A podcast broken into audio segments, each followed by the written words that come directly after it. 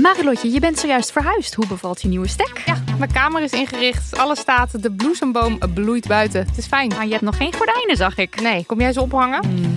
Maar het ding is dus, desondanks alles slaap ik als een koningin dankzij mijn matras van Emma Sleep. Een prinses zonder ert ben jij. Al leg je een ert onder mijn matras, ik denk niet dat ik er last van heb, want het is een hemelsding. En dan heb ik ook nog mijn Emma Diamond Pillow. Jouw slaapkamer is een slaapparadijs. Wil jij dat nou ook? Ga naar emma-sleep.nl en daar vind je moederdag sale met kortingen die oplopen tot wel 50%. En met de code DAMNMONEY aan elkaar uh, komt daar nog eens 10% extra korting bovenop.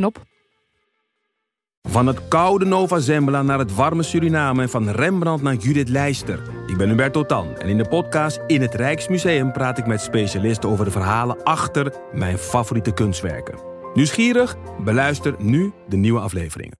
Hello, honingballies, my old friends. I have come to talk with you again. Over allemaal shit waar je als vrouw mee moet dealen. Welkom bij Damn Honey.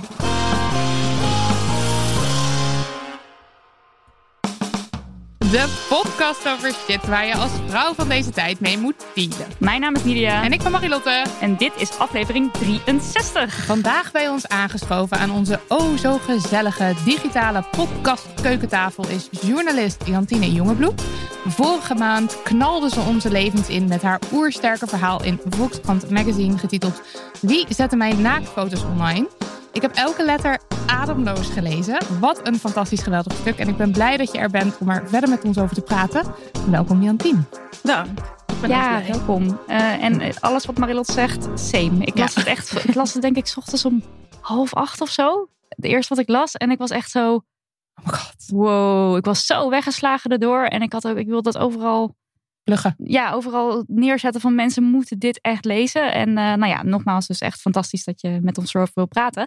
Ja. Uh, maar eerst, um, Marilotte, ik Ja. heb een vraag voor jou die je waarschijnlijk totaal niet ziet aankomen. Nee, ik heb geen idee waar je het over hebt. Hoe ging jij eerder deze week de Femi Mist in? Ik doe even een gedeeld femimistje van ons. Want eh, soms moet je gedeelde smart. Halve Ehm, smart. ja, precies. Eh, dus van, eh, van mij en Nidia.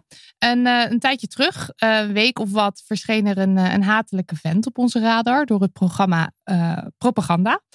Onderzoeksjournalist Charissa Shotu had ons gecontact daarover. Zij had hem gemaakt. Ze maakte er een aflevering over een haatvlogger genaamd Younes Ouali. En deze beste man heeft zo'n 84.000 volgers op Instagram. En hij gebruikt zijn account om vooral moslimvrouwen te exposen.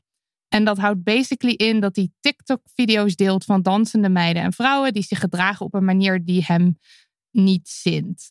En de comments onder die posts zijn heel heftig. Eh, dat zijn bedreigingen richting die meiden. En soms houden die maandenlang aan. En verder verspreidt hij misinformatie. En eh, dan zit hij in een video bijvoorbeeld te vertellen hoe elke vrouw moet bloeden tijdens de ontmaagding. Dat zijn dus ook gewoon dingen die niet kloppen, die hij dan vertelt.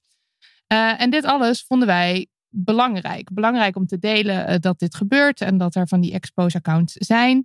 Eh, kijk ook vooral de aflevering van Propaganda als je meer wilt weten over hoe afschuwelijk deze vent is.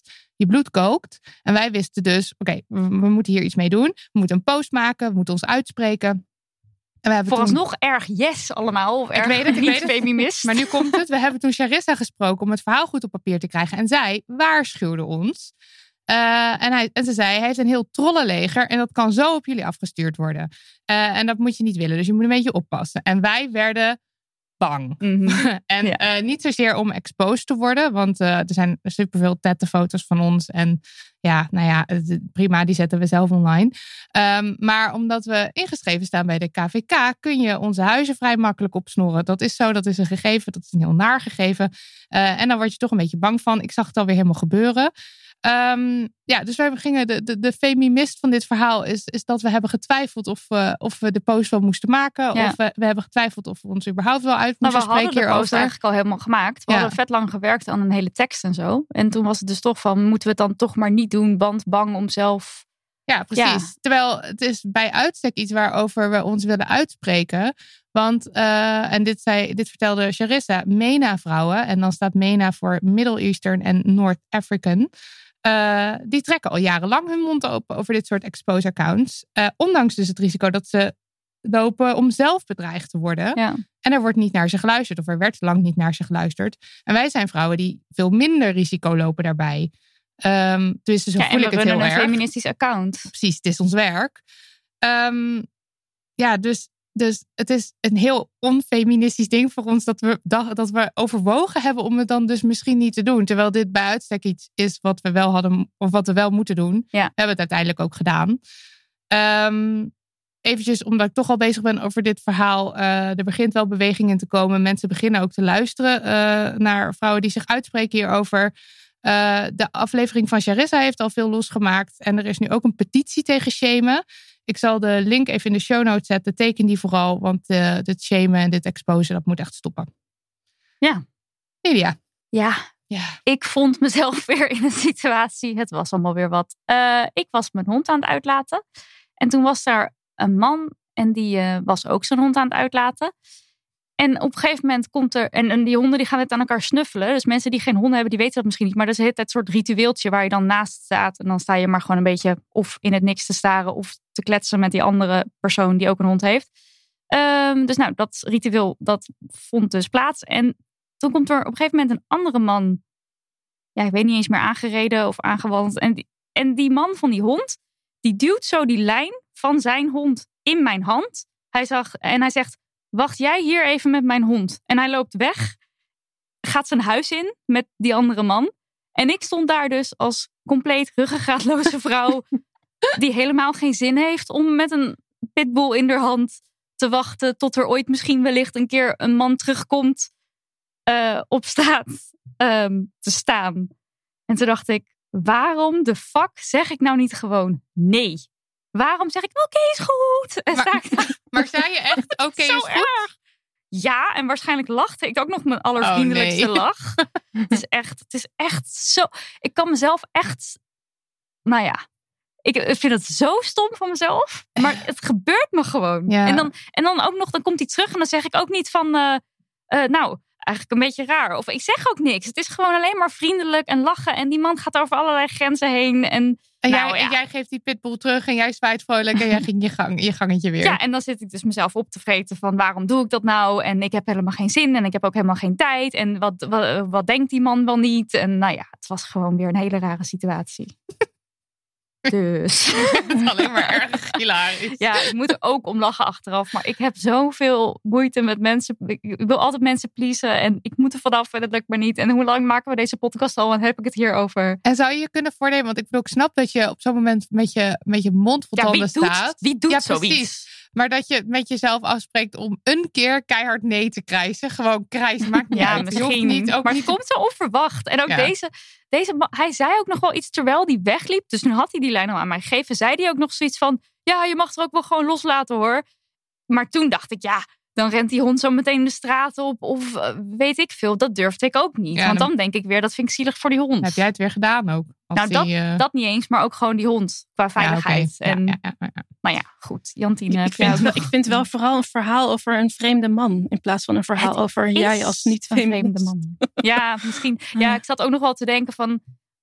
Oké, dit, heeft, dit heeft verder niks te maken met ander grensoverschrijdend gedrag. Maar bij Nee, een snap ander grensoverschrijdend gedrag zou je Ja. zeggen van... het is niet jouw schuld, zeg maar. Ja, ja, tuurlijk. Ehm, Dit is gewoon een raar verhaal. het is ook een raar verhaal, maar ik baal gewoon van mezelf. Dat Ja. is het meer. Ja. Ik snap het. Oké, Jantine. Ik, eh, ik heb een extreme voorbeeld, vind ik Mhm. zelf. Want ik ging enorm de feminist in afgelopen week. Oh. Ik, ehm, ik weet namelijk niet of ik, eh, of dat woord namelijk hoort er niet. Ik weet niet of ik moeder wil eh, worden. Dat wist ik ooit wel en daar heb ik toen ook eh, werk van gemaakt, maar dat eh, mislukte. En sinds een jaar ongeveer weet ik niet meer zeker of het wel bij me past.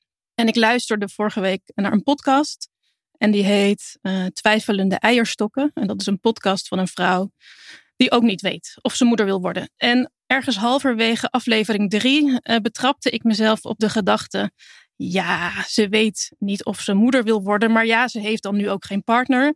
En als ze die wel heeft, wacht maar. Aan het einde van die zoektocht, dan is heus wel haar conclusie dat ze alsnog eh, moeder wil worden. En dat vond ik zo'n vreemde eh, gedachte. Ik weet niet of dat projectie was, maar in ieder geval vond ik het heel onfeministisch van mezelf. Want natuurlijk zijn er vrouwen die geen kinderwens hebben. En waarbij dus alsnog na die zoektocht de conclusie is: nee, ik wil geen kinderen. Wacht Ehm, maar, vrouwtje. Ja, ik vind het een vreemde gedachte.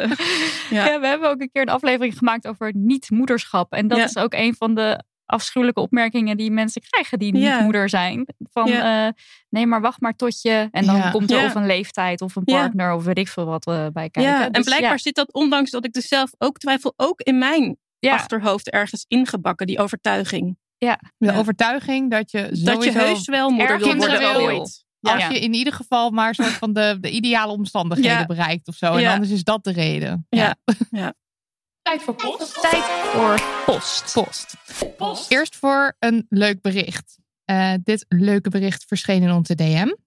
Vandaag liep ik langs acht oude witte mannen en riep er eentje: Hey, lief meisje naar mij. Heb me abrupt omgedraaid en gevraagd of hij beseft hoe intimiderend dit over kan komen op sommige vrouwen. Toen ik weer wegliep, gingen de mannen vervolgens hevig met elkaar in gesprek of het nou wel of niet acceptabel was dat die man geroepen had, wat die man geroepen had. Na verloop van tijd kwam de man naar mij toegelopen om zijn verontschuldigingen aan te bieden. Het was hem vergeven, zei ik. Damn honey, yes. Wat voelde dit goed. Yay. nice. Leuk, leuk verhaal. Erg leuk. Eh, dan een eh, Poststuk. poststuk met een vraag. Hey, fantastische, geweldige, sterke, grappige Nidia en Marilotte. Ik zou graag willen aanvullen dat sterke. Gisteren moesten Marilotte en ik samen een tafel van 80 kilo een trap optillen. Dat konden wij niet. Nee. Toen hebben we staan klooien totdat een man zei: Zal ik even helpen? En Zeiden wij, Ja, ja. graag. dus dat sterk klopt misschien niet helemaal. We zijn uiteraard wel fantastisch, geweldig en grappig. Nou, eh, sterkt op bepaalde punten hoor. Want het was wel echt een hele... Die 80 kilo is veel. het is heel veel, is heel veel. voor een tafel. Ja, Oké. überhaupt. komt eh, de rest van het poststuk. Ik heb een dilemma rondom feminist zijn. Ga je naakt om een punt te maken of niet? Ik zal het kort toelichten. Vandaag is de Women's March en ik had het idee om een foto van mijn naakte lichaam te posten met voor mijn borsten en vulva still not asking for it. Om zo een punt te maken over rape culture en slut shaming. Zo, ik krijg net aan mijn mond uit. Slut shaming. Mijn erg feministische vrienden waren erg terughoudend. Wat als je iemand ermee aan de haal gaat? Is dit wel nodig? En is dit wel goed voor je mentale gezondheid? Deels herken ik me in hun zorgen, maar ik vind het erg lastig. Eigenlijk wil ik het namelijk wel doen, maar als zelfs mijn feministische vrienden het me al een beetje afraden, daarom het dilemma. Wanneer ga je naakt als feminist en wanneer is het af te raden? Allerliefst van een honingbal, Joelle. Allerliefst terug, Joelle. Ook van mij. Moet toch even gezegd worden. Eh, ja, je vrienden zijn bezorgd. Ja. Dat is eh, liefde. Maar- komt voort uit liefde. Ja, het komt voort uit liefde, ze zijn bezorgd, ze willen je beschermen. Maar het klinkt een beetje in je brief alsof je al wel helemaal hebt bedacht dat je dit wil. Dat je het plan al hebt. Ik bedoel, je hebt het helemaal uitgedacht en, en, je, en je wil het. En dat je, dat, dat je dan advies vraagt aan je vrienden en die brengen je aan het twijfelen. Eh, en ja, dat is dan misschien jammer. Nou, het deed mij heel erg denken aan, dat, aan die post die we al helemaal hadden geschreven. En Ja. dat je dan toch hoort van, oh, maar let op. Want ehm, er Anders hadden we het gewoon gedaan. een trollenleger achter je aan kunnen komen. Ja, Ja. En, en dan vind ik het wel heel. Ik, vind het, ik vond het aan de ene kant prettig om gewaarschuwd te worden, omdat je je een beetje sch- schrap kan zetten. Maar dat kan dus bijna ertoe leiden dat je iets niet doet wat je wel wilt doen. Ja. Terwijl je moet kunnen doen waar je zin in hebt. Ja. En, eh, en, je, je, en je uitspreken over dingen. En dat, dit is een manier om je uit te spreken. Op zo bloot op de foto gaan. eh, is ook een manier om je uit te spreken, want bloot vinden mensen moeilijk. Ja. Dus daar maak je een statement mee en daar kan je mensen mee bereiken of in ieder geval iets overbrengen. Ja, ze vraagt wanneer ga je naakt als feminist? Ik vind het wel een goede reden om naakt te gaan. Inderdaad, ze heeft heel duidelijk nagedacht over waarom ze het wil, wat haar boodschap is en wat ze wil bereiken. En die vrienden, die kunnen wel feministisch zijn, maar inderdaad, ze zijn ook bezorgd. Ik denk dat als ze het zou voorleggen aan diezelfde vrienden, maar dan het zou brengen als dit is iemand met een idee die heel ver van jullie afstaat. Vind je het een goed idee? Oh ja, dat Ja. ze dan misschien anders... Ja, ik, ik verwacht dat ze dan alsnog wel zouden zeggen: ja, goed idee, go for it. Ja. Dus objectief gezien, vanuit feministisch oogpunt, zou ik denken: ja, lekker doen. Naakt. Ja. Nou, Ja. sowieso op die vraag zou ik willen, wanneer ga je naakt als feminist, wanneer is het af te raden? Op die vraag is natuurlijk het enige antwoord. Wanneer doe je dat? Nou, als je daar zelf zin of behoefte eh, aan hebt of eh, ja, en als je het in nut inziet en denkt, nou, dit heeft dit. Ja, dit maar er zijn we. natuurlijk heel veel verschillende manieren. Daar hoef je niet per se naakt voor te gebruiken. Want wij, Nee. wij doen dat af en toe. En sommige mensen die zijn daardoor ehm, gechoqueerd of een beetje, die vinden dat een beetje afstotend. Ook mensen die ons dus volgen, luisteren, lezen, die dan denken van, oh, hè, eh, doen jullie dit ook? Dit past niet bij wat ik prettig vind. Nou goed, dat is, dan, dat is dan maar zo, want dit is wel iets wat wij graag willen. Maar voor die mensen, die, je kan natuurlijk ook een hele andere weg bewandelen. Het is meer als jij denkt van, dit wil ik graag doen, dit is voor mij een manier om mijn boodschap naar buiten te brengen. Dan zou ik zeggen, doe, Doe het. het. Ja. Ik Sowieso ik zeggen wij- Ja, precies. Ja. Doe het. Dat is uiteindelijk altijd iets wat we zouden aanmoedigen. Daarbij wil ik dan wel even de kanttekening maken dat het voor de een misschien, eh, misschien wel gevaarlijk is om het te doen. En dan kan je, ik bedoel, ik zal niet, als je ervoor kiest om het niet te doen, zal ik je niet veroordelen of zo. Maar ik zou altijd, ik zou zeggen, of wij zouden zeggen, doe het als Ja, je daar behoefte aan en dan hebt. bedoelen we, spreken we, spreek je uit in het algemeen. Of dat nou een naaktfoto is of een tweet plaatsen over een Ja, gewoon al- situatie ja. of anything, zeg maar. Ja. Eh, en dan kan je zelf denk ik het beste inschatten in hoeverre ben ik nog veilig. Of, of En- welke risico loop ik? Ja, en het, het, het ehm, ik, ik snap wel de angst van, oh ja, dan eh, zet ik dat online en dan gaan mensen daar misschien mee aan de haal. En daar, ja, wij denken daar dan zelf ook van tevoren over na als we een foto eh, posten waar bijvoorbeeld onze borsten goed op te zien zijn. En dan denken we, oké, wat kan er dan gebeuren? Wat, wat vinden we daarvan? En dan maken we zelf die afweging, ja. Maar ik zat er laatst over te denken. Dan, ehm, oké, dan ik denk daarover na bij de naaktfoto's en daar ben ik overheen. Prima. Maar ik zou het net zo vervelend vinden als iemand met mijn foto, zeg maar, waarin ik gewoon gekleed ben, aan de haal gaat Ja. op een vervelende manier. Dat vind ik net zo intimiderend en kwetsbaar als mijn naaktfoto's. Ja. Eh, dat, dat is gewoon het hele aan de haal gaan ermee. Ja. En dat is, dat, is, dat is het intimiderende eraan. En dat is eigenlijk altijd wat je, wat je tegenkomt als je je uitspreekt of je kop boven het maaiveld uitsteekt. Zeker als je vrouw bent, want dan krijg je veel te maken of meer te maken met online intimidatie. En dat is het risico wat je dan dus loopt. Dus je moet voor jezelf afwegen: vind ik het dit waard? Of loop ik gevaar? Of weet ik veel wat je overwegingen zijn. En dan maak je een beslissing. En eh, ja, op sommige momenten zeg je dan: oké, ik loop misschien risico of dit zou kunnen gebeuren, maar ik doe het toch. Ja, ik heb zelf, eh, ik heb dat volgens mij vorige keer ook verteld, voor een van de vorige afleveringen, dat Vizier op links, dat is zo'n naar rechts trollen account. Die hebben dus een foto van mij geplaatst met eh, mijn adres er half bij. En dat is gewoon, ja, het is gewoon een foto die op vakantie gemaakt is, dat ik met mijn eh, toen nog puppy ehm, op schoot in een, in een badpak zit. Heeft verder niks met naakt te maken. Maar dat was eigenlijk ook heel erg vervelend. En dat is helemaal niet eh, dat mijn tieten te zien zijn of zo. Maar goed, ja, denk vooral bij jezelf na. Wat, ehm, wat vind ik wel of niet fijn? En weet dat eh, wij eh, je back hebben natuurlijk. als er vervolgens iets... ehm, Toch Ja, gebeurt. Iets gebeurt of zo. Ja, ja, want ik vind het helemaal dapper en fantastisch als je het wel doet. Maar ik wil het eigenlijk nog ook wel even over dat bloot hebben. Ja. Omdat toevallig afgelopen week... eh, ik weet niet Jantine of jij dat ook hebt meegekregen. De NTR die heeft een programma bedacht. Ja. Dat heet Gewoon Bloot. Ja, fantastisch. Maar ik Ja, de kritiek. enig is het. Ja. Nee, ja, ik Precies. weet het. Maar ik las ook de kritiek, ja. Ja. Ja. Ehm, even, even kort uit te leggen. Het is een kinderprogramma waarin naakte volwassenen te zien zijn. En die kinderen die mogen dan ook allerlei vragen eh, aan die volwassenen stellen. Ja. Eh, en dat laat natuurlijk zien van ehm, bloot is gewoon bloot. En nou ja, stel maar vragen, er hoeft geen schaamte omheen te zijn. En dan zijn de reacties dus pedofilie, seks, vies.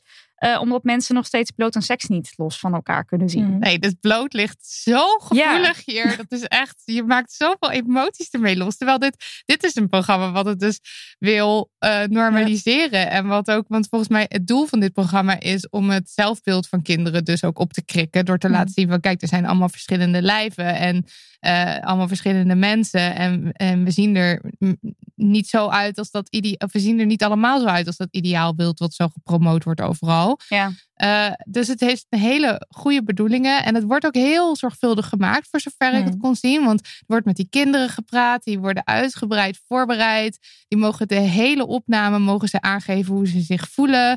Eh, dus er is niks engs of dwingends ook aan. Het is een heel erg goed educatief programma. En ik sta er ook echt alleen maar heel erg achter. En dat daar dus zoveel ophef over komt. En Maar dat de er zelfs ophef- kamervragen over gesteld Door worden de hè, van SGP. Ja. die, dan, eh, die dat dan allemaal weer moeilijk vindt.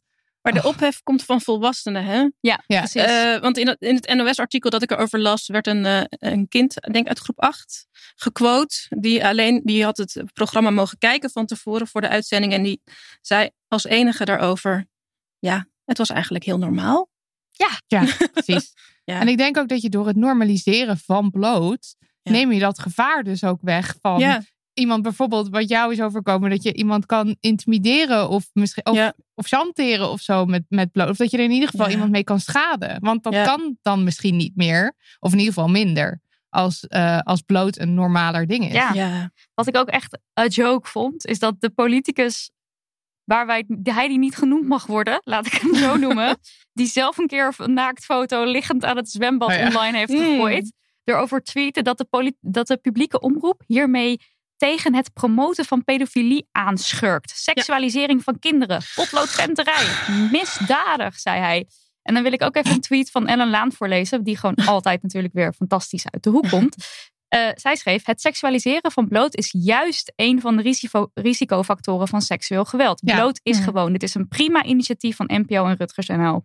De makers van het programma hopen dat kinderen door het programma onder meer leren dat er niet één ideaal beeld is.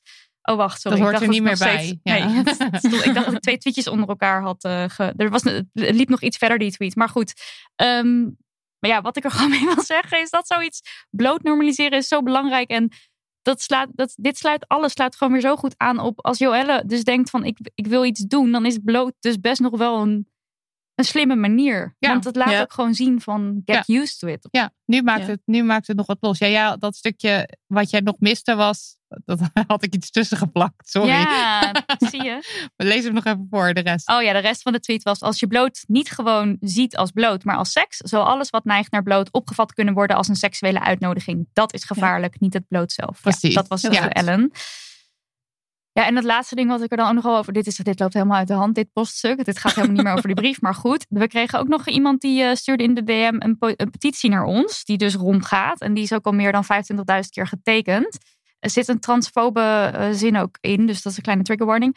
In dit programma moeten kleine kinderen naar naakte volwassenen, zelfs transgenders, kijken. Die schaamteloos vertellen over hun seksualiteit. De meest perverse details worden over kinderen heen gestort. Zo wordt pedofilie in de week gelegd. Dit is absoluut verwerpelijk. Nou, sorry Ja, hoor. ik kan echt helemaal niks. Maar goed, als, zolang het dus nog al deze heftigheid Ja. oproept, kun je een statement maken met bloot. En ik zou het doen.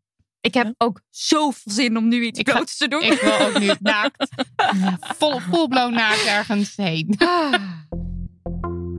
Hello Fresh, lieve mensen. Graag even wat aandacht voor onze sponsor. Hello, Fresh. De maaltijdboxen van HelloFresh die gewoon bij jou thuis worden geleverd, zitten nokkievol met verse ingrediënten waarmee je recepten uit je mouw schudt waar een doorgewinterde huisvrouw nog u tegen zou zeggen. Ja, ik heb zo'n doorgewinterde huisvrouw in mijn huis. Daniel van de Poppen heet hij.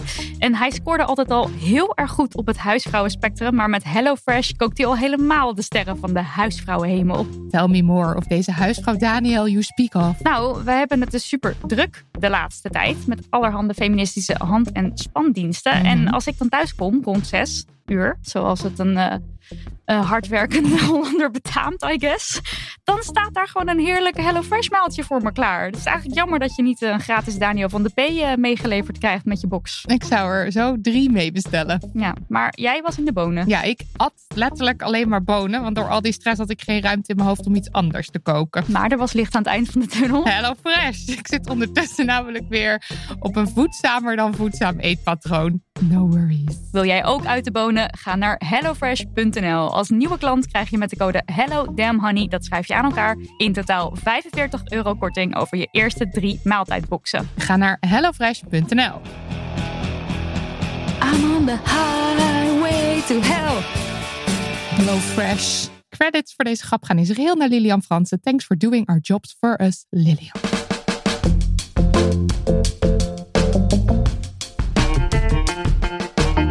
We moeten het even hebben over. Je zit gewoon lekker op de middelbare school. Je bent een leuk mens, je doet je ding, je ontdekt je seksualiteit en opeens staan er naaktfoto's van je online. Ja, Jantine, het overkwam jou. Eh, je was eh 16 toen er naaktfoto's van jou door de hele school eh, hingen. En ze werden verspreid op het internet. Wat voor tiener was je voordat dit allemaal gebeurde? Ehm, ik was een meisje dat best wel op zichzelf was. Als in niet zo heel erg bezig met school of de buitenwereld, maar wel met vriendjes, met eh, seks. Ik was een creatieve puber. Ik was veel aan het lezen, gedichten aan het schrijven en aan het tekenen. En ik was denk ik best introvert, maar niet eh, onzeker. Ik was wel open. Eh, en ik zag weinig gevaren. Ik kende weinig schaamte. En zat dat bijvoorbeeld ook deels in je opvoeding dat je dat zo. Ja, ja, dat die denk ik wel. was? Ja, ik ben heel vrij en open opgevoed. Er waren bij ons thuis eh, geen taboes. Dus gewoon bloot was bij jou thuis herinneren. geen probleem geweest. Bij ons, ik, ben opge- ik ben opgegroeid in een huis waar niet de badkamerdeuren op slot gingen Oh ja, en zo. nou ja. Nee. Ja. En eh, heeft het veel veranderd in hoe jij, hoe jij daarna bijvoorbeeld eh, naar je lichaam keek of naar seks? Nee, ik denk niet dat het op dat vlak ehm, invloed heeft gehad. Ik denk dat wat het op korte termijn voor mij als puber heeft veranderd, is dat ik leerde wat schaamte is. Ja. Eh, en dat er dus blijkbaar eh, eh, dingen zijn waar je als mens voor moet schamen. En in het geval van het uitlekken van mijn foto's, ik hoorde dat het mijn eigen schuld was. En eh, Hmm. dat ik naïef was en dat ik erom had gevraagd. Dus opeens werd ik geconfronteerd met een hele andere manier van denken. Namelijk een wereld waarin schaamte en taboes een rol spelen. Ehm, en uiteindelijk, het heeft niet echt heel erg direct invloed gehad op hoe ik bijvoorbeeld met jongens of met seks omging. Ehm, maar de gebeurtenis heeft wel impact gehad op heel andere vlakken. En daar kwam ik eigenlijk pas als schrijvende van het Volkskrant-stuk achter. Achter. Ja. En eh, kun je ons vertellen wat er is gebeurd? Ja, Het is een lang verhaal. ik ga een poging doen. Ja, ik ga een Ja. poging doen om het verhaal van twaalf pagina's in een drie zinnen samen te vatten. Ja. Of iets Ehm, meer zinnen? nou ja, wat er gebeurde, eh, ik eh, maakte naaktfoto's. Eh, ik was toen 15 eh, voor mijn vriendje. En ik maakte ook half bedekte sexy foto's voor, op een forum voor scholieren. Op een gegeven moment ging het uit met dat vriendje. Dan kreeg ik een ander vriendje. En een aantal maanden daarna werd er een soort online roddelkrantje gepubliceerd. Op een speciaal daarvoor gemaakte website. Eh, dat was gemaakt door een anoniem lid van datzelfde forum als waar ik op Mhm. zat. En in dat roddelkrantje eh, stonden onder andere vijf naaktfoto's van mij. Eh, volledig naakte foto's van top tot teen. En ook een verzonnen interview met mij over mijn seksleven. En de volgende dag stonden die foto's en dat interview op geen stijl. De dag erna gingen ze in een groepsmail rond eh, langs alle leerlingen van de bovenbouw van mijn school. Mhm. En toen ik de dag erna naar school moest, toen hingen de foto's geprint eh, in mijn aula. En eh, gingen ze rond van hand tot hand in mijn klas. Ja. Ja. En, en hoe, ja, hoe reageerde je omgeving dan daarop? Hoe, re- ja, nee, hoe reageerde jij? Weet jij nog hoe je reageerde toen je erachter Ehm, kwam? Ja, sowieso. Ja. Het is echt een andere tijd. Hè? Misschien moeten we dat heel even kort erbij zeggen. Want Ja. als, als Ja. luisteraar weet je misschien niet hoe, hoe oud... Je bent 34? Ik ben Zeg dat goed? 33. Oh, 33, ja. Ja. en dit was in 2004. eh Oké, dus dus echt 17 geen- jaar geleden. Geen stijl stond dan, was misschien ook minder bekend dan, dan nu. Ja, Of- geen stijl bestond denk ik toen een jaar of twee. Ja. Ehm, Maar sowieso, bijvoorbeeld nu zou je natuurlijk op WhatsApp... Jij zou het dan nu overladen Ja. worden met WhatsAppjes. Of, Ja. Maar dat was natuurlijk ook niet toen. Nee, je had toen was geen er- Facebook of Instagram. Of... Nee, ik had toen MSN. En eh, ook IRC, dat is ook een soort chatprogramma. Eh, en ik hoorde het van een klasgenootje op MSN. Eh, Hmm. Zij had dat roddelkrantje ehm, gezien. Zij zat ook op het forum, net als ik. Dus het was op de dag voordat het op geen stijl stond. En zij liet mij weten van, hé, hey, heb je dit al gezien? Ehm, ja, ik, eh, ik moet zeggen dat toen ik begon met dit onderzoek en met daarover schrijven, dat ik me niet meer zo goed herinnerde hoe ik er nou op had gereageerd. Mhm. Ik was dat echt een beetje vergeten. Ehm, maar door gesprekken met onder andere eh, vriendinnen uit die tijd en ook het vriendje dat ik toen had, ehm, heb ik dat wel een beetje kunnen reconstrueren. Ja, achteraf gezien, ik bleek wel echt enorm in paniek. Eh, Het voelde wel alsof eh, de wereld verging en de grond onder mijn voeten was weggeslagen. En ik raakte. Ik denk dat je hebt die drie van die standaard eh, reacties als er paniek is. En ik versteende. Ik Oh ja. eh, Oh ja. wist niet wat ik moest doen. Ik wilde het liefst met mijn hoofd onder de dekens liggen, doen alsof ik eh, niet bestond en alsof het nooit was gebeurd. Ehm, ja, maar ik had een vriendje die heel lief was en heel behulpzaam en die mij heel erg steunde en coachte en zei: eh, ga maar naar school en ehm, zet je schouders eronder. Ga Ja. met opgeheven hoofd eh, de confrontatie maar aan. En toen bleek dus dat het, dat het letterlijk die foto's ook door de school heen hingen. Ja. En Ja. wist jij dan ook op dat moment wie daar dan bijvoorbeeld achter zat? Of, Ja, of, dat was heel vreemd. Ik, eh, wie daar eh, achter de online verspreiding zat, eh, wist ik niet. Mhm. Eh, en ik wist bijvoorbeeld ook niet wie van mijn school die foto's had rondgemaild. Maar wie de foto's had uitgeprint, wist ik wel. Want dat was gewoon een meisje uit mijn klas dat dat deed voor mijn ogen. Die, die uh, deed niet geheimzinnig over uh, haar die was, die was letterlijk dat aan die, het opplakken ik, toen jij op school kwam. Ja, en we hadden een, eerste uur. Volgens mij was het geschiedenis. En wij zaten bij elkaar in de klas. En ik zat uh, volgens mij achter in de klas. En zij wat verder naar voren. En zij gaf die foto's door. Oh, waar ja. ik bij zat. Oh. Maar ik, ik, ja, ik, ik, ik, ik keek daarnaar en ik deed niks. En, en er was ook nog geen docent, die was dan te laat of zo. Dus het was ook, ja. En, en heb je haar uh, ook nu gesproken? Ja. Kan zij daar zelf nog wat over vertellen? Wat, wat de beweegredenen waren daarachter? Uh, ja, ik heb haar gesproken. Uh, ik heb haar via Instagram uh, opgespoord en een berichtje gestuurd. En zij reageerde daarop. Um, en zij zei dat ze nog best wel regelmatig eraan terug moest denken. Hmm. Um, maar ze kon niet zo goed uitleggen waarom ze dat had gedaan. Ze, ze begreep dat uh, achteraf gezien niet. En zij zei zelf: ik, ik weet niet waarom ik je een lesje wilde leren. Dus dat was in ieder geval de beweegreden. Ze wilde mij een lesje ja. leren. Dat wist ze dus nog wel, dat dat gevoel erachter zat. Ja, ja. Oké, okay, dus je moest gestraft worden. Ja, voor ik iets. moest gestraft worden, want ik had naaktfoto's Voor gemaakt. het maken van die foto's, ja. Ja. Voor het ownen van je, van je Dat lichaam, van je seksualiteit. Ja. Ja. Ja. Ja. en voor de, je hebt het wel net uitgelegd, maar even voor de zeker zekerheid. Je had dus Ja. die sexy foto's die jij postte, dus die Ja. voor iedereen toegankelijk waren. Ja. Maar die naaktfoto's waren echt expliciet alleen voor je vriend gemaakt. En die had je Ja. naar hem gestuurd. Maar op een of andere manier zijn ze dus toch bij die foto's terechtgekomen. Ja, Ja, dus- precies. Dus die, die, die volledig naaktfoto's die stonden op mijn computer. Ja. En die stonden in mijn eh, mailbox. Want die had ik per mail naar hem verstuurd. Dus stonden ook in zijn mailbox. Ja. En eh, wat Marilotte net al vroeg, de, de reactie van je omgeving, bijvoorbeeld je ouders. Is dit iets wat je met hen deelde? Nee, nee. Toen ik die dag op school kwam, toen ben ik op een gegeven moment naar de conrector gestapt. Eh, omdat ik dacht, ja, er is helemaal geen volwassene die naar mij toe komt om me te helpen. Dus dan klop ik zelf maar bij zelf hem maar. aan. Ja. Ja. En eh, dat was een heel kort gesprek. En uiteindelijk sloot hij af met het advies om het die avond met mijn ouders te bespreken. Ehm, en toen heb ik braaf geknikt. En dacht ik ondertussen, mm, Hell no. dat ga ik zeker niet doen. Nee, Ja. dus ik heb mijn ouders nooit verteld. En ehm, ze hebben het 17 jaar lang niet geweten Ja. dat het is gebeurd. Ik heb ze pas toen ik met het schrijven van het verhaal bezig was, eh, ze ingelicht. Ja. En, en hoe reageerden ze nu? Eh, ja, geschrokken. Ehm, nou ja, ja, geschrokken. Want ja, het is een vreselijk idee dat je dochter naakt op internet staat als ze dat niet wil. En dat er dus misbruik eh, van haar is gemaakt. Tegelijkertijd schrokken ze ook weer niet, omdat ze het ook wel, nou ja, ze wisten wel dat ik met seks bezig was in die tijd. Of in die tijd al. En ehm, ze, ja, ze konden zich ook wel voorstellen, dus dat ik naaktfoto's maakte. En, Ja. eh, dus daar schrokken ze. Ze schrokken er niet van dat ik daarmee bezig was. Maar ze schrokken natuurlijk wel van wat er vervolgens eh, eh, mee gebeurde. En, en hoe eenzaam dat dan voor mij moest zijn geweest. Ja. Dat ik daar niet over eh, durfde te praten met ze. Want je ouders klinken, juist omdat je zei, nou ik ben redelijk vrij opgevoed, Ja. klinken als mensen die er Ja. misschien wel ook zeg maar minder in schaamte en zo Ja. op hadden gereageerd. Ja, nee, dat denk ik ook. Ehm, ik denk zeker dat er genoeg eh, slachtoffers zijn die het niet met hun ouders bespreken, omdat ze denken dat ze er niet eh, ehm, bij hun mee kunnen aankomen. Maar ja.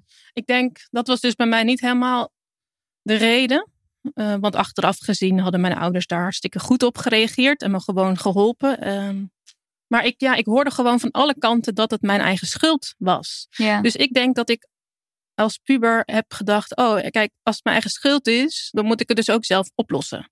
Mm. En ik ga dan niet mijn ouders betrekken, ehm, want dan wordt het alleen maar groter en dan moeten we het erover gaan hebben. En eh, ik ga wel gewoon eh, kijken of het in mijn eentje en met een paar leeftijdsgenoten lukt om die foto's offline te halen. En dan doe ik gewoon eh, zo snel mogelijk.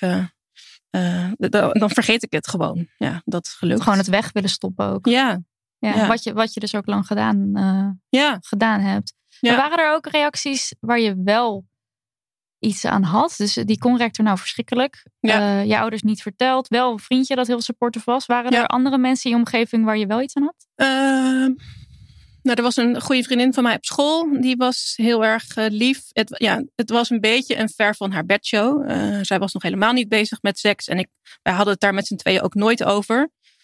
Maar zij was, toen ik het die ochtend dat ik naar school moest aan haar vertelde, was zij wel heel erg begripvol en lief. Mm. En was ze er die dag op school voor me. Dus dat was fijn dat ik in ieder geval één iemand fysiek had die er voor me was.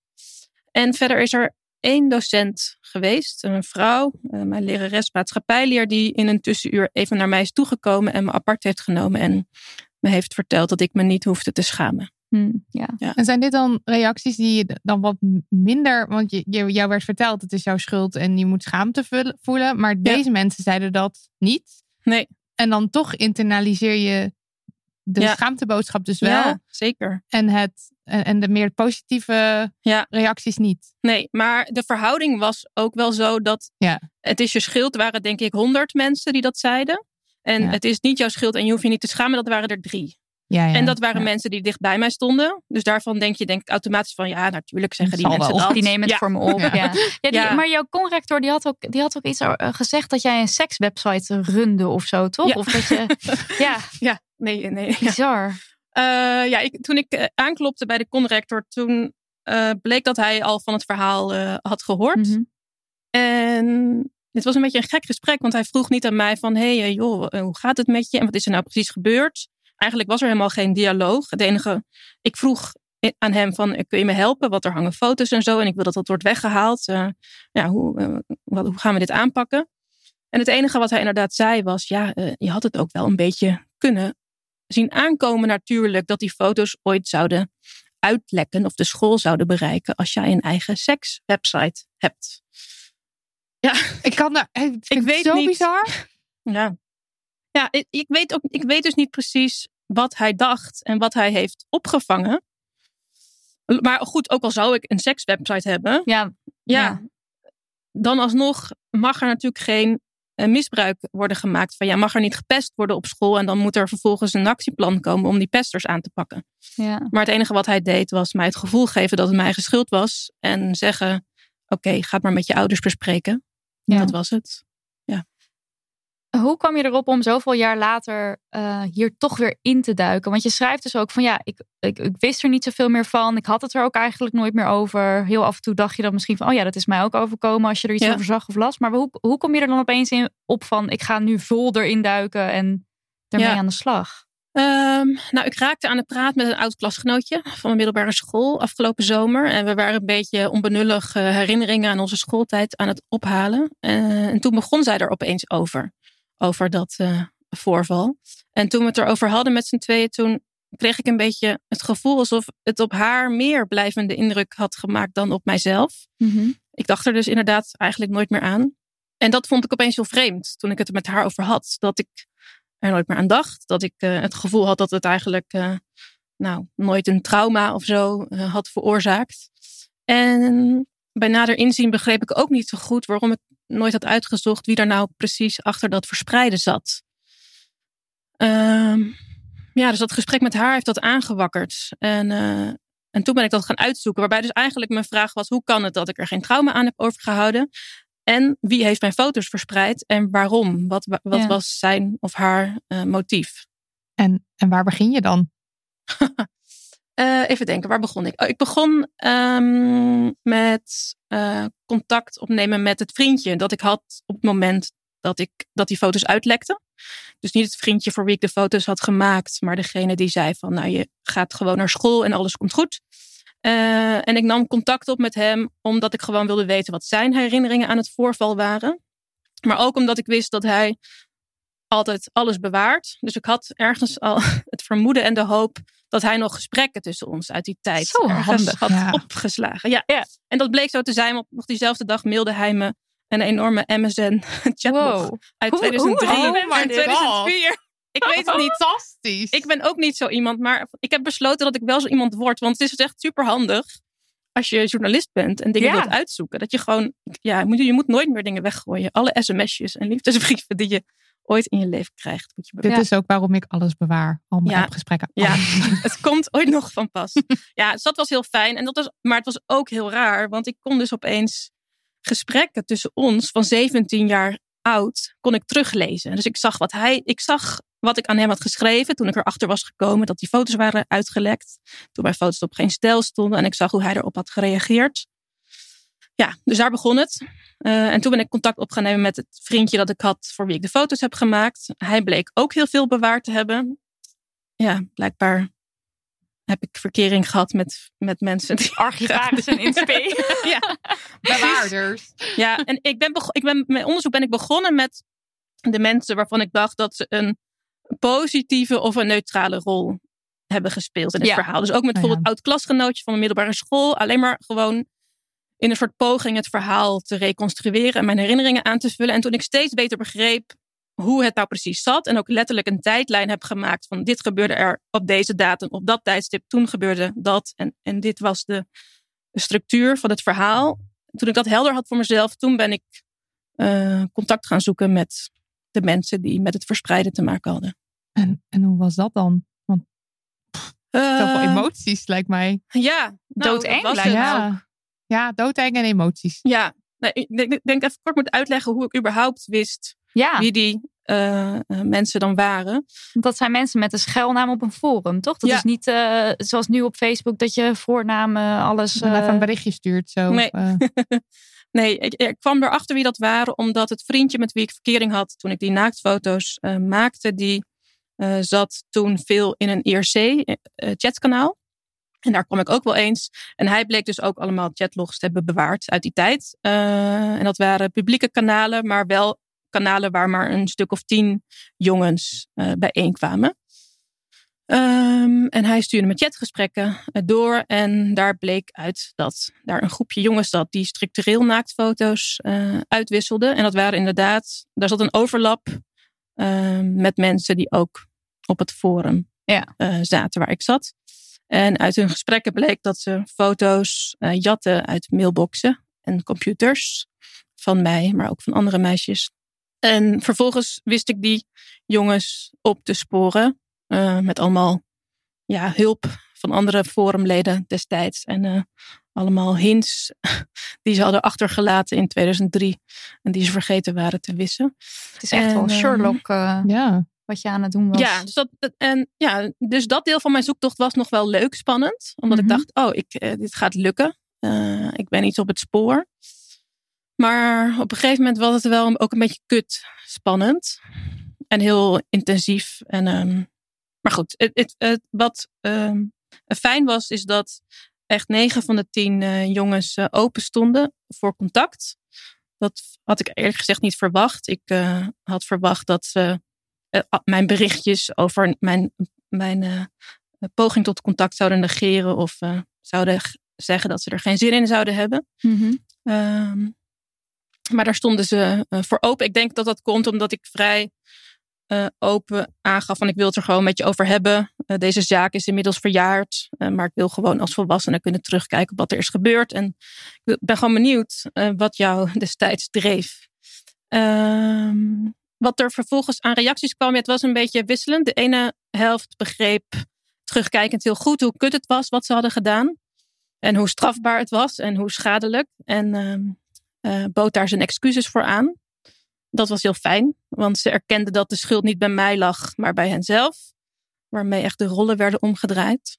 Maar een ander deel, ehm, en dat zijn dus nu mannen van een jaar of 35, Ja, die reageerden met een reactie uit het stenen tijdperk. Bijvoorbeeld door te zeggen: Ja, ho, ho, maar ik was niet degene die de foto's maakte. Ja. En die Hmm. hadden van het concept victim blaming eh, blijkbaar nog eh, nooit gehoord. Ja, dat maakte me heel boos. ja. En dan is het dus niet zo dat ze vinden. Vonden, vinden ze dan niet dat ze iets verkeerd doen als ze uit een mailbox waar ze Ja. niet mogen zijn, iets halen? Nou, in dit geval, de jongens die dit zeiden, dat waren jongens die niet eh, daadwerkelijk eh, aan het hacken zijn geslagen, maar bijvoorbeeld die foto's doorstuurden binnen een, binnen een chatbox. Ja. Hm. Dus zij hadden de foto weer van iemand anders gekregen en zij deelden dat met hun groepje online vrienden. Wat uiteindelijk ervoor zorgde dat een van de jongens dat online een roddelkrantje kon maken en die foto's echt gepubliceerd heeft voor de buitenwereld. En toen ook geen stijl er meer in alles, zeg maar. Ja, ja. Ben je er ook achter gekomen wie nou die foto's uiteindelijk gejat had? Nee, ik ben wel erachter gekomen wie de foto's eh, gepubliceerd heeft. Mhm. Dus wie dat krantje heeft gemaakt en hoe ze dus ook op geen stijl en in mijn school zijn beland. Maar eh, nee, ik ben er niet achter gekomen ehm, wie de foto's aan hem heeft aangeleverd. Ja. En dat En- weet hij zelf ook niet meer. Ik heb wel een vermoeden. Oh, dat Eh, weet die jongen die dat schoolkrantje heeft gemaakt ook niet meer. Nee, Hoe die nee. er dus aan kwam. Ja, precies. Hij weet niet van wie hij oorspronkelijk de foto's heeft gekregen. Ik heb wel een vermoeden en die persoon heb ik ook een bericht gestuurd. Maar dat is de enige van wie ik geen reactie heb gekregen. Hm. En, en hoe, voelt, hoe voelt dat? Dat je zegt, maar dat, want dit is het. Dit is Ja. waarschijnlijk wat je te weten komt. Je hebt Ja. je vermoeden en je hebt de dingen die je weet. Ja. Voelt het afgemaakt? Ja, ja mijn onderzoek voelt wel eh, afgerond. Ik, begon inderdaad met de vraag wie heeft mijn foto's eh, gepubliceerd. Ehm, eh, de gast die ervoor zorgde dat mijn foto's op geen stijl belanden, die heeft uiteindelijk de grootste rol gehad. En ik ben Mhm. blij dat ik hem gesproken heb. En verder, kijk, het schrijven zelf en het publiceren was heel bevrijdend. Uiteindelijk was dat het hoofddoel. En was ehm, die daders lokaliseren een soort van weg daar naartoe. Ehm, nee, ja, dus voor mij is het goed. Je zei net al eventjes dat je op een gegeven moment echt woest werd, dat je boos Ja. werd. Ja. Terwijl op het begin, dus voordat je eigenlijk dit hele onderzoek ging doen, ging doen, had je die woede niet zo. Hoe kwam dan die omslag? Ja. Nou, eh, toen ik contact met, met eh, die mannen had, toen eh, realiseerde ik me opeens dat ik het recht had om boos te zijn. Eh, omdat niet ik iets had veroorzaakt, maar omdat er misbruik van me was gemaakt. En eh, ik voelde me denk ik opeens weer 16-jarige meisje, eh, maar dan nu met de levenservaring en de blik van een volwassene. En eh, ik kon voelen hoe, hoe eenzaam en verdrietig dat destijds was geweest. En dus ook hoe woedend ik mocht zijn op de daders. Ja. En eh, toen mijn woede werd erkend en, en die, die mannen met terugwerkende kracht de schuld op zich namen en excuses maakten, ja, was dat heel helend. Ja. ja. Er was, er was een, een lezer van, eh, van de Volkskrant die mij naar aanleiding van mijn artikel eh, mailde. eh, die daarover zei: Je hebt de rommel opgeruimd en de littekens goed verzorgd. Ze zijn er nog wel, maar ze doen hopelijk geen pijn meer. Ja, dat, is volgens mij, ja, dat is volgens mij precies wat er is gebeurd.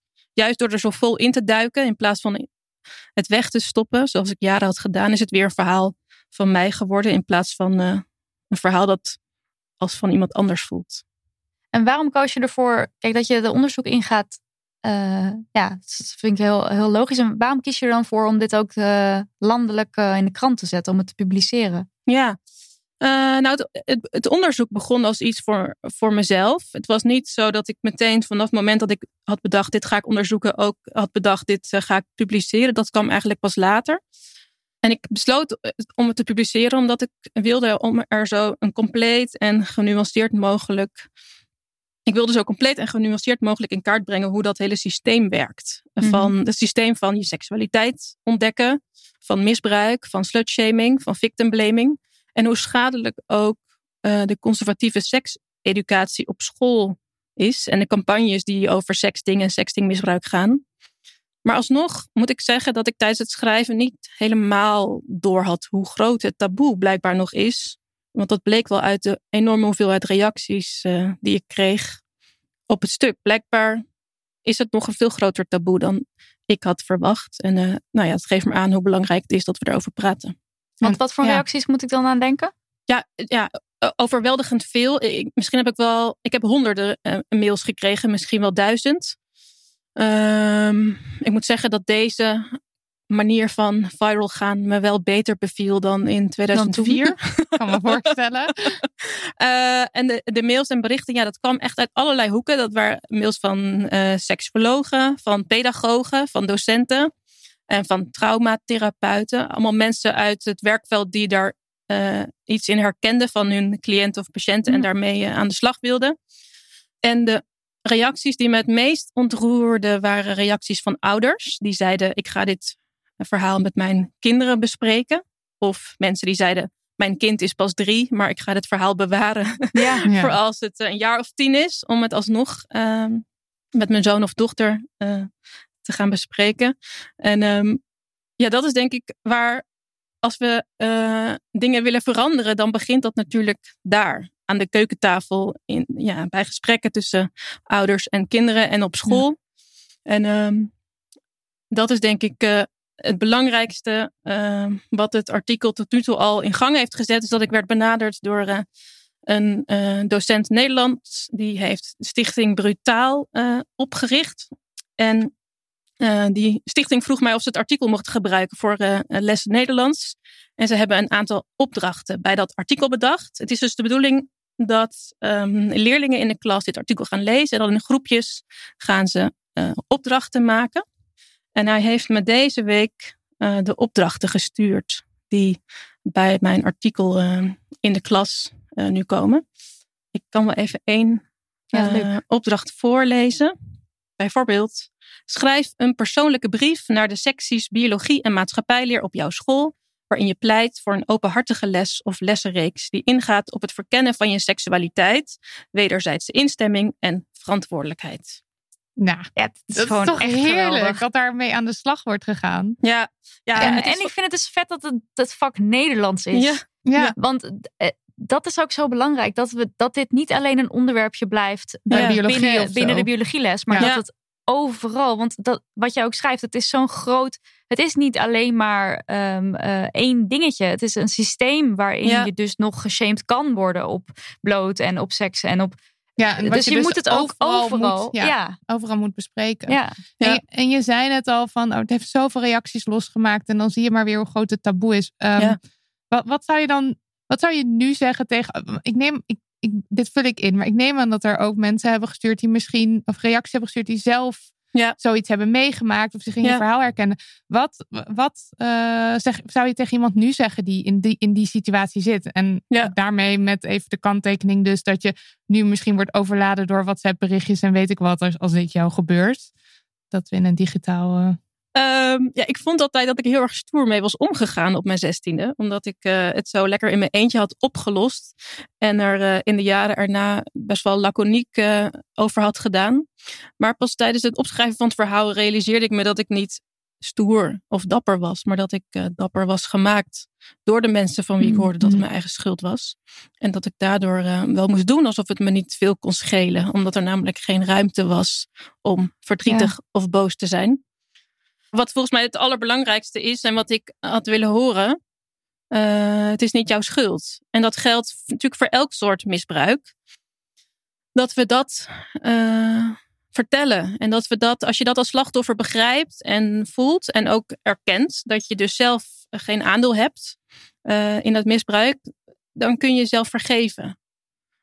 En het, als je geen zin hebt om de daders te vergeven, dan moet je dat vooral lekker niet doen.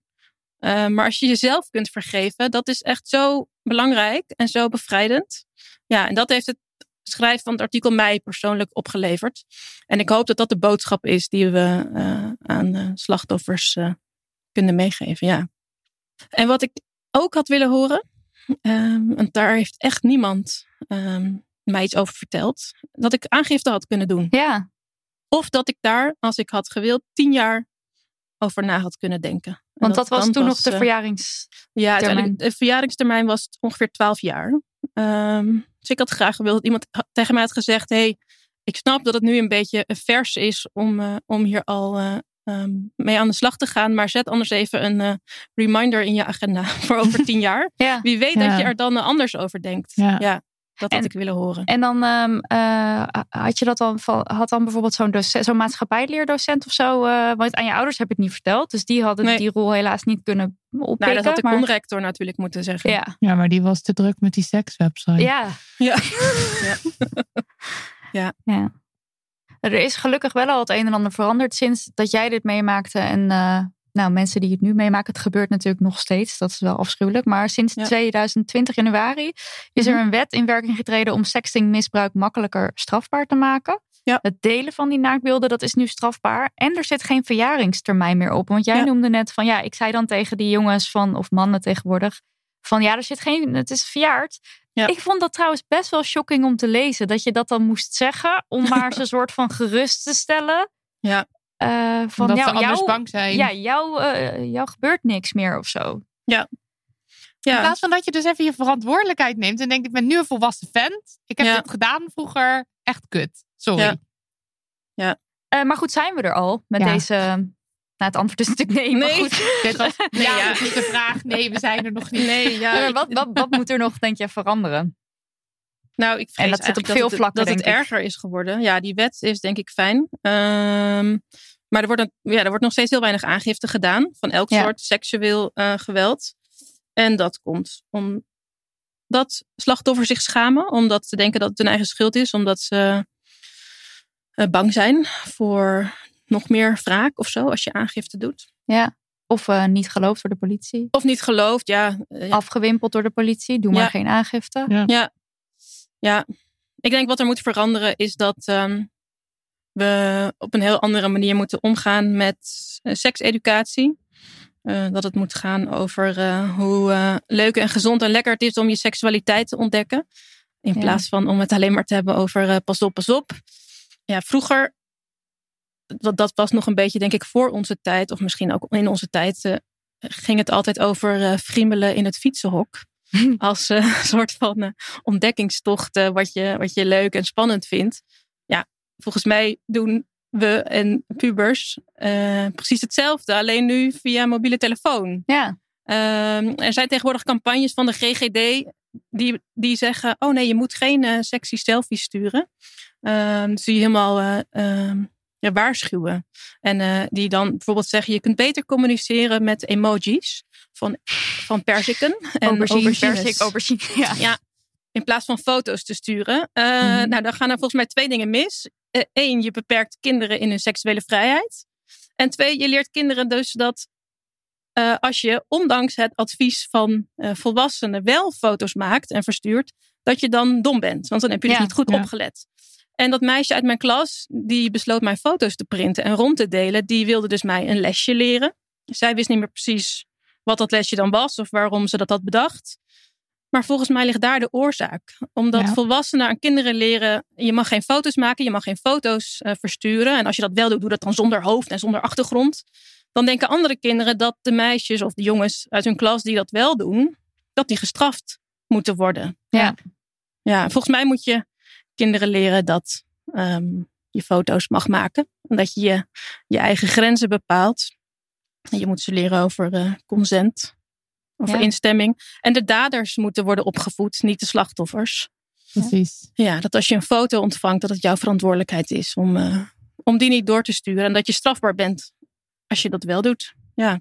Volgens mij, wat denk ik, waar het begint, is dat eh, volwassenen het altijd een beetje een spannend idee vinden dat pubers seksuele wezens zijn. Ehm, maar goed, die moeten eens over hun eigen gêne heen stappen.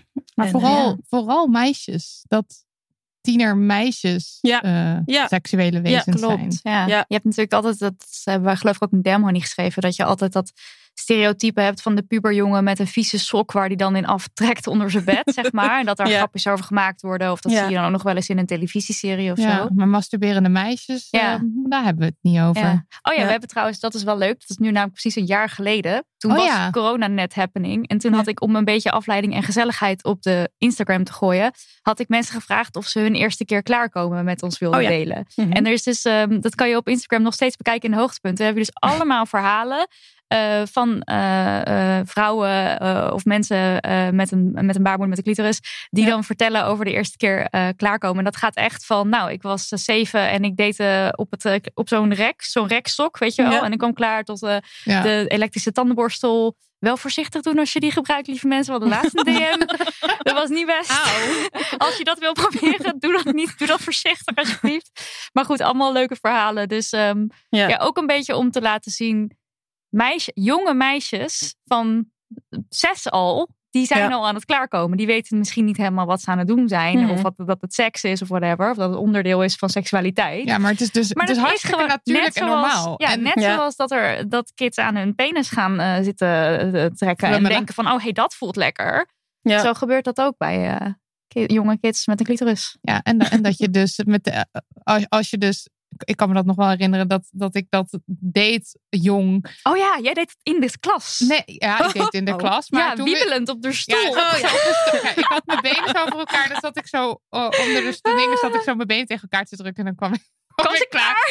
Maar Ehm, op de basisschool, hè? Maar ja, maar oké, maar toen was ik me al wel bewust van dat dat iets was wat voor mij was. Ja. Ik zat niet, zat niet. eh, je deed het wel in de klas, maar goed. Ja, maar het was stiekem. Het was stiekem. stiekems. Alleen ik weet ook nog dat ik het deed, dat ik het net ontdekte. En dat ik het vertelde, volgens mij aan mijn moeder of zo. Van nou, als ik dit doe, dan heb ik echt een lekker Vond dat gevoel. heel lekker. Ja. En dat mijn moeder dus, en ik weet dus niet meer of zij iets zei van in de trant van, nou ja, dat is heel leuk dat je dat hebt, hebt ontdekt. Maar dat Doe moet maar je voor niet. jezelf houden. Hm. Maar ik, ik kan me dus wel herinneren dat er toen iets van schaamte of zo eh, bij is gekomen. En, en dat is dus niet meer, dat ligt niet per se aan mijn moeder. Dat ligt meer aan ook hoe dan dus de rest van je leven je wordt verteld dat het iets is om je voor te schamen. Ja. In plaats van dat het dus iets is, iets leuks. En Ja. maar wel misschien gewoon niet de hele tijd mensen ermee confronteren, maar wel gewoon iets leuks. Ja, Ja. ja.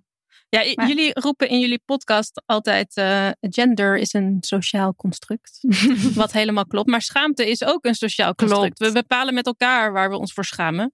Dus we kunnen die schaamte ook van ons afwerpen door eh, Ja. meer over dit soort taboes te praten. Ja. En eh, onze kinderen, onze kinderen, ik heb geen kinderen, maar de, de kinderen van deze wereld uit te leggen dat eh, daders eh, van misbruik zich moeten schamen. Precies. En de Ja. slachtoffers. Ik, Ja. had, ik, had, ik had die, eh, of we hadden die quote hieronder ook van jou uit het eh, artikel eh, neergezet hier. Want ik Ja. vond het zo mooi dat de schaamte iets is wat bij de daders hoort en niet Ja. bij een slachtoffer. Precies. En eh, Door het klein te houden en stil te zijn, heb ik met de daders en hun acties ingestemd. Zo voelt het. Het is tijd voor een publieke aangifte, want ik heb lang genoeg gezwegen. Ja. Zegt ze, echt ja. mooi. Zo sterk.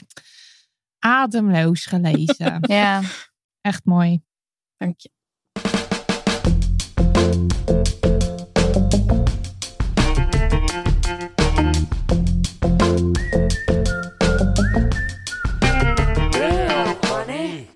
Tijd voor onze afsluitende rubriek, de Damn Honey Yes and No. En dat is iets waar we wel om wilden gillen. En misschien hebben we er ook om gegild. En iets waardoor we door de kamer wilden dansen. En misschien hebben we ook wel gedanst. Marilotte, de No.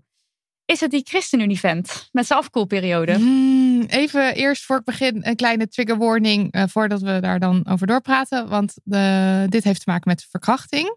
Eh, Don Seder, want zo heet hij, die ChristenUnie-vent, eh, was niet mijn originele no, maar we kunnen hem niet niet noemen met zijn verrotte uitspraken.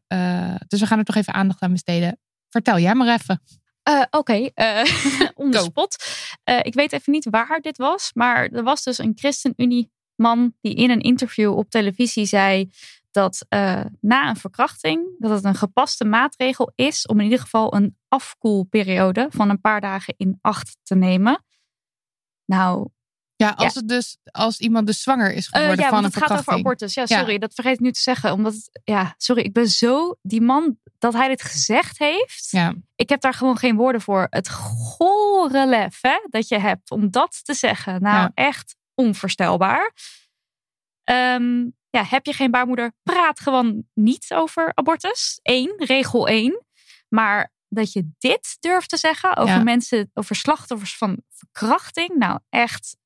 Ik was zo boos. Maar ik wist ook gewoon niet wat ik. Ik, ik, toen ging ik een tweet typen. Dacht ik, ja, dit, dit, dit kan niet eens omvatten met wat ik, wat ik eh, Nee. vind en wat ik onvoor fucking stelbaar. ja het is, het is, ik, zat er naar, ik zat er naar te kijken en dat je. Ik snap niet hoe je het uit je strot krijgt. Om Precies. te zeggen dat iemand na een verkrachting en dat je dan zwanger bent geworden, dat je een afkoelperiode nodig hebt. Om, en dat je dan pas kunt beslissen of je een baby wilt houden of niet. Het is. Nou ja, goed. Nou, en dit is dus de ChristenUnie. Ja. Was dus niet eens mijn no. Maar ik heb eigenlijk ook nog eventjes om er even een eh, yes van te maken. Ik heb even een persoonlijke yes. Er is iemand in mijn buurt van wie ik hou. En die had het voornemen om op de ChristenUnie te stemmen. En eh, voor het eerst in mijn leven eigenlijk heb ik ervoor gekozen om aan iemand die dicht bij me staat, dus eventjes om even tijd te nemen om argumenten op een rij te zetten en om even te laten weten dat ik het niet een goed idee vond. Ehm, kijk, ja, het, duurde ook echt even voordat ik mijn gedachten op een rijtje had en ik heb toen een bericht gestuurd. En eh, diegene is inmiddels van mening veranderd en gaat niet meer op de eh, ChristenUnie stemmen. En dat vind ik heel prettig. Maar ik vind het dus best wel een. Ja, ik vind het een, yes echt een persoonlijke yes dat ik, Zeker. dat ik dat heb gedaan.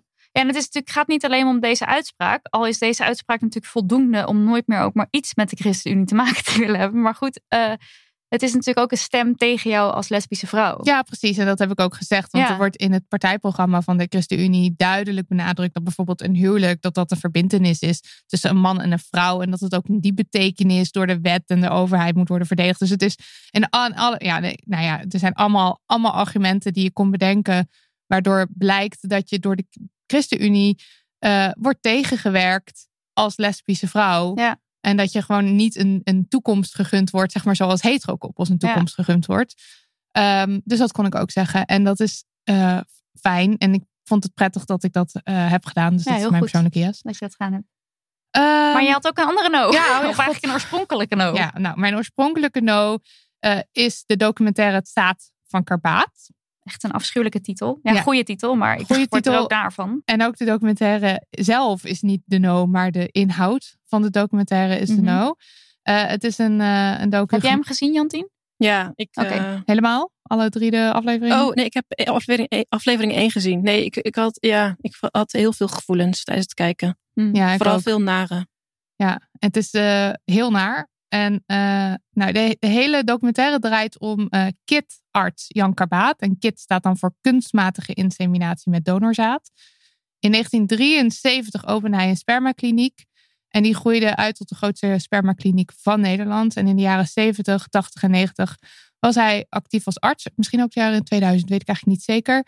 Ehm, en in die tijd stond IVF nog in de kinderschoenen. Dus koppels of vrouwen die een kind wilden, die waren voornamelijk aangewezen op deze kunstmatige inseminatie. En hij was volgens misschien wel een van de enige of een van de weinige artsen, sowieso een van de weinige artsen die ook eh, bomvrouwen, dus bewust ongehuwde moeders en eh, lesbische stellen ook wilde helpen. Dus, eh, en je had natuurlijk allemaal al daar dan meningen over. Ook weinig keus. Dus er was weinig keus. Je ging dan als vrouw of als stel met een kinderwens ging je dan naar hem toe. Ehm, en hij had aanzien. Hij kon je dus een kind geven als je geen kind kon krijgen. En ehm, nou ja, je kan je dus voorstellen dat hij de enige hoop was. Een licht, een baken van licht. En deze man heeft daar grondig misbruik van gemaakt. Van eh, nou eigenlijk het, de, de hopeloosheid en, en het verlangen naar een kind. Eh, ik weet niet eens waar ik moet beginnen. Zoveel shit zit er in deze serie. Hij heeft, hij heeft onder andere, eh, hij oh, waar hij bekendst om is, is dat hij zijn eigen zaad heeft gebruikt en daarover loog. Dus dat heeft die vrouwen die die insemineerden nooit verteld. Ehm, hij deed zich dan, hij deed dan alsof hij zich aan hun wensen hield. Dus dan hadden ze bijvoorbeeld de wens van, nou, ik wil het zaad van mijn eigen man. Of ik Nee, wil- zo ja, ja, ja, zelfs. ja, ja, echt gewoon, hij, hij verzon het gewoon. En hij Oh had ook God. hele donorpapieren. Dan konden mensen zo zien van, dan was het een anonieme donor, maar dan konden ze allemaal eh, eigenschappen en zo zien. En dat, dat verschilde ook de hele tijd, terwijl het dan dus zijn zaad was. Ja, ik dacht dat hij zeg maar zei van het komt van een donor. En dat het van hemzelf. Maar ook dus als, eh, als er een vader in het spel was Ja. die zelf zaad had hij deed allemaal Oh valse my beloften. lord. Ergens in de docu zeggen ze ook van, eh, ja, het kan dan regenen buiten, maar iemand wil horen, de zon Hmm. schijnt. En dan zegt hij, de zon schijnt. En dan, dan is iemand weer blij. Zeg maar, op die manier ging hij ermee om.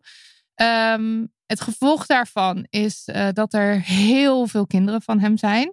eh, die, dat de, die daar nu langzaam achter aan het komen zijn. Volgens mij, de teller staat volgens de docu op 68 kinderen. Eh, maar en counting komen weten. de hele tijd mensen bij. En de eerste uit het buitenland, volgens mij uit Zwitserland, ik weet het niet meer, is nu ook gelokaliseerd.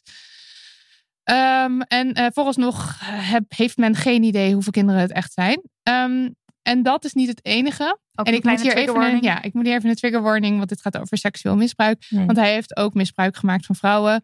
Ehm, hij raakte ze aan op eh, plekken die ze niet prettig vonden. Eh, hij maakte hele nare, vieze opmerkingen. En dan is het eh, in de trant van menig dertiger zou jaloers op je zijn. Zoals je eruit ziet. Als je er ook van binnen zo uitziet. Of wat zie je er lekker uit. Hij, zat aan, hij zat aan ze. aan, aan borsten, aan dijen.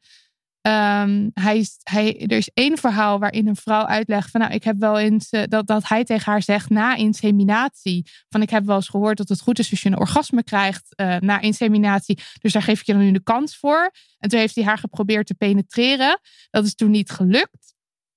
En toen is hij klaargekomen op haar buik en heeft dat zaad Nee. alsnog geïnsemineerd. Nou, dit God, zijn de verhalen. Het is echt verschrikkelijk. En dit is de eerste aflevering, trouwens. Mhm. Even wat ik nu noem. En het, ik ga nu stoppen met al deze Ja, gruwelijke please. verhalen. Maar het ding is dus, hun kinderwens was zo ontiegelijk groot dat zij geen weg zagen hieruit. Ja, dat snap ik ook heel, goed. Heel veel vrouwen zeggen ook, of heel veel vrouwen, één vrouw zegt bijvoorbeeld, ik kon het mijn man niet vertellen, want dan mocht ik daar misschien niet meer heen. ja.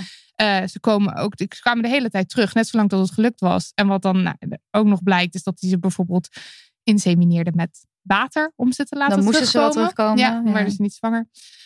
Deze man. Nou ja, nou goed. Nou, ga de serie maar kijken, want het is wel echt een hele goede serie. Ik eh, zal niet alles vertellen, maar er zit een hoop narigheid in. Ehm, dus dat is mijn. Wat een ellende, joh. ja, jezus. Nou, kom jij dan maar even door bij de yes.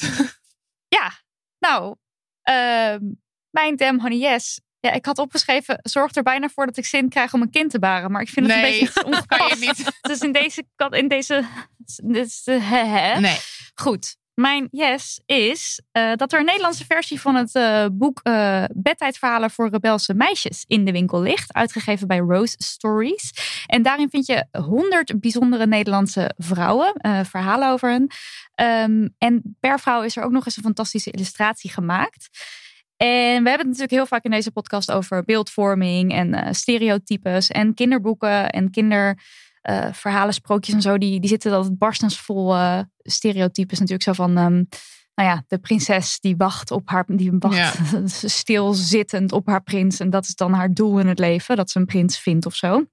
En eh, je hebt ook zo'n feitje van Women Inc. dat 13% van de moeders in kinderboeken maar een betaalde baan heeft. Terwijl dat dus zes keer minder is dan in de werkelijkheid.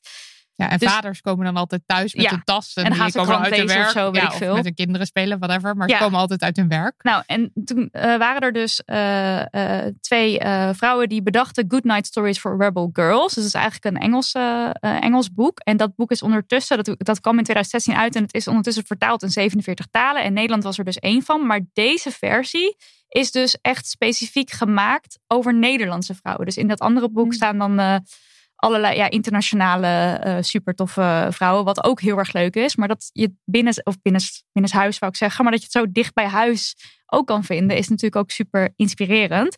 En ik zag verhalen voorbij komen van een kickboxer, piloot, schrijver, verzetstrijder, politicus, arts, advocaat, activist, model, journalist, het nieuwslezer. Echt anything. Dus dat is denk ik super tof als je jong bent en je ziet al die verhalen en die fantastische illustraties. En je kunt Ja. alles worden. Je kunt alles worden. Dat is inderdaad een beetje het, Ja. wat, je, wat je meekrijgt als je dit boek ehm, ziet. Echt een goed kraamcadeau. Nou, echt Ja. toch? De- ja, nou, vind ik dus zo. Ik krijg dus echt serieus bijna zin om zelf op een of andere manier. Een kind te baren.